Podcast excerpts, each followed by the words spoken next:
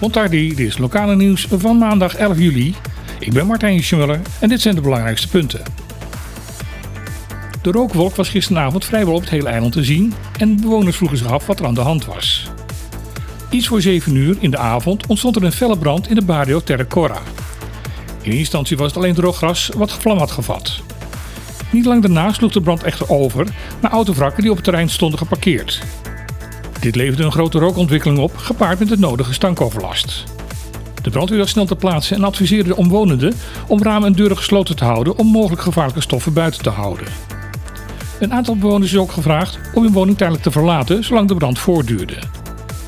De brandweer had de vlammen snel onder controle. Er zijn gelukkig geen gewonden gevallen, maar het incident heeft wel het potentiële gevaar laten zien van de vele afgedankte auto's die overal in de wijk geparkeerd staan. Een paar weken geleden beweerde de minister van Primair en Voortgezet Onderwijs, Dennis Wiersma, dat er op Bonaire geen probleem zou zijn met speciaal onderwijs, omdat de ouders daar geen behoefte aan zouden hebben. Vele boze reacties waren het gevolg van deze uitspraak. In Caribisch Nederland blijkt namelijk het onderwijs aan kinderen met extra en bijzondere leerbehoeftes, zoals kinderen met leerproblemen en gedragsstoornissen, niet wettelijk geregeld te zijn. Er zijn wel een paar initiatieven voor kinderen met autisme op een aantal basisscholen. Maar kinderen met andere problemen kunnen momenteel alleen terecht bij de privéschool Het Koraal. Deze school wordt niet door het ministerie van Onderwijs bekostigd, maar door een bijdrage van ouders van ongeveer 400 dollar per maand.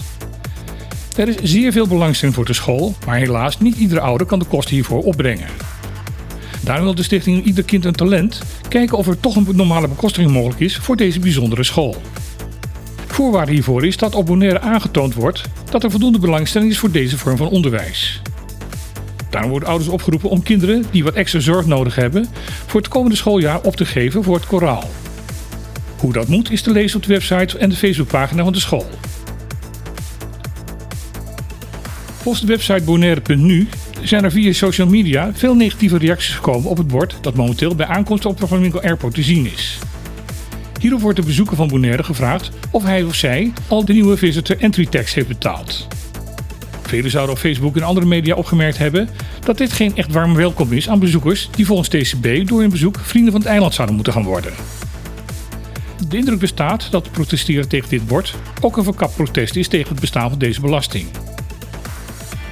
Het OLB raadt de bezoeker trouwens aan om de belasting niet op het vliegveld, maar thuis online te betalen. Een handicap daarbij is dat de betaling uitsluitend via een creditcard kan gebeuren. Een kaart die vrijwel elke Amerikaan bezit, maar die onder particulieren in Europees Nederland een stuk minder populair is.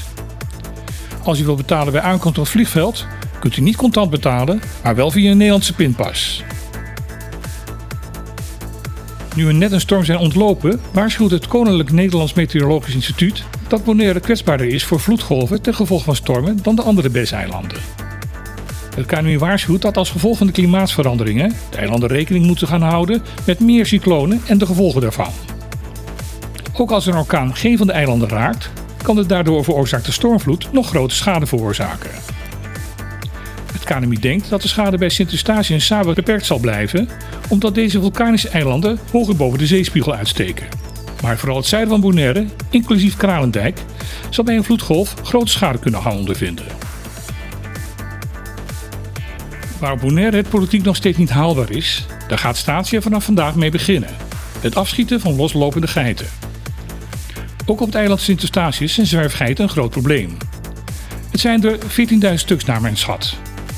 Ze eten de boel kaal, veroorzaken erosie en daarmee op een eiland met veel hoogteverschillen wordt de kans op gevaarlijke grondverschuivingen ernstig vergroot. Daarom worden geiten die los rondlopen en waarvan niet duidelijk is wie de eigenaar is, vanaf nu afgeschoten.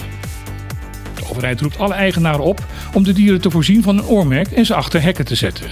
Anders lopen ze het risico dat ze hun dieren gaan kwijtraken. Dit was het lokale nieuws voor vandaag. Ik wens u nog een hele fijne dag en graag tot morgen.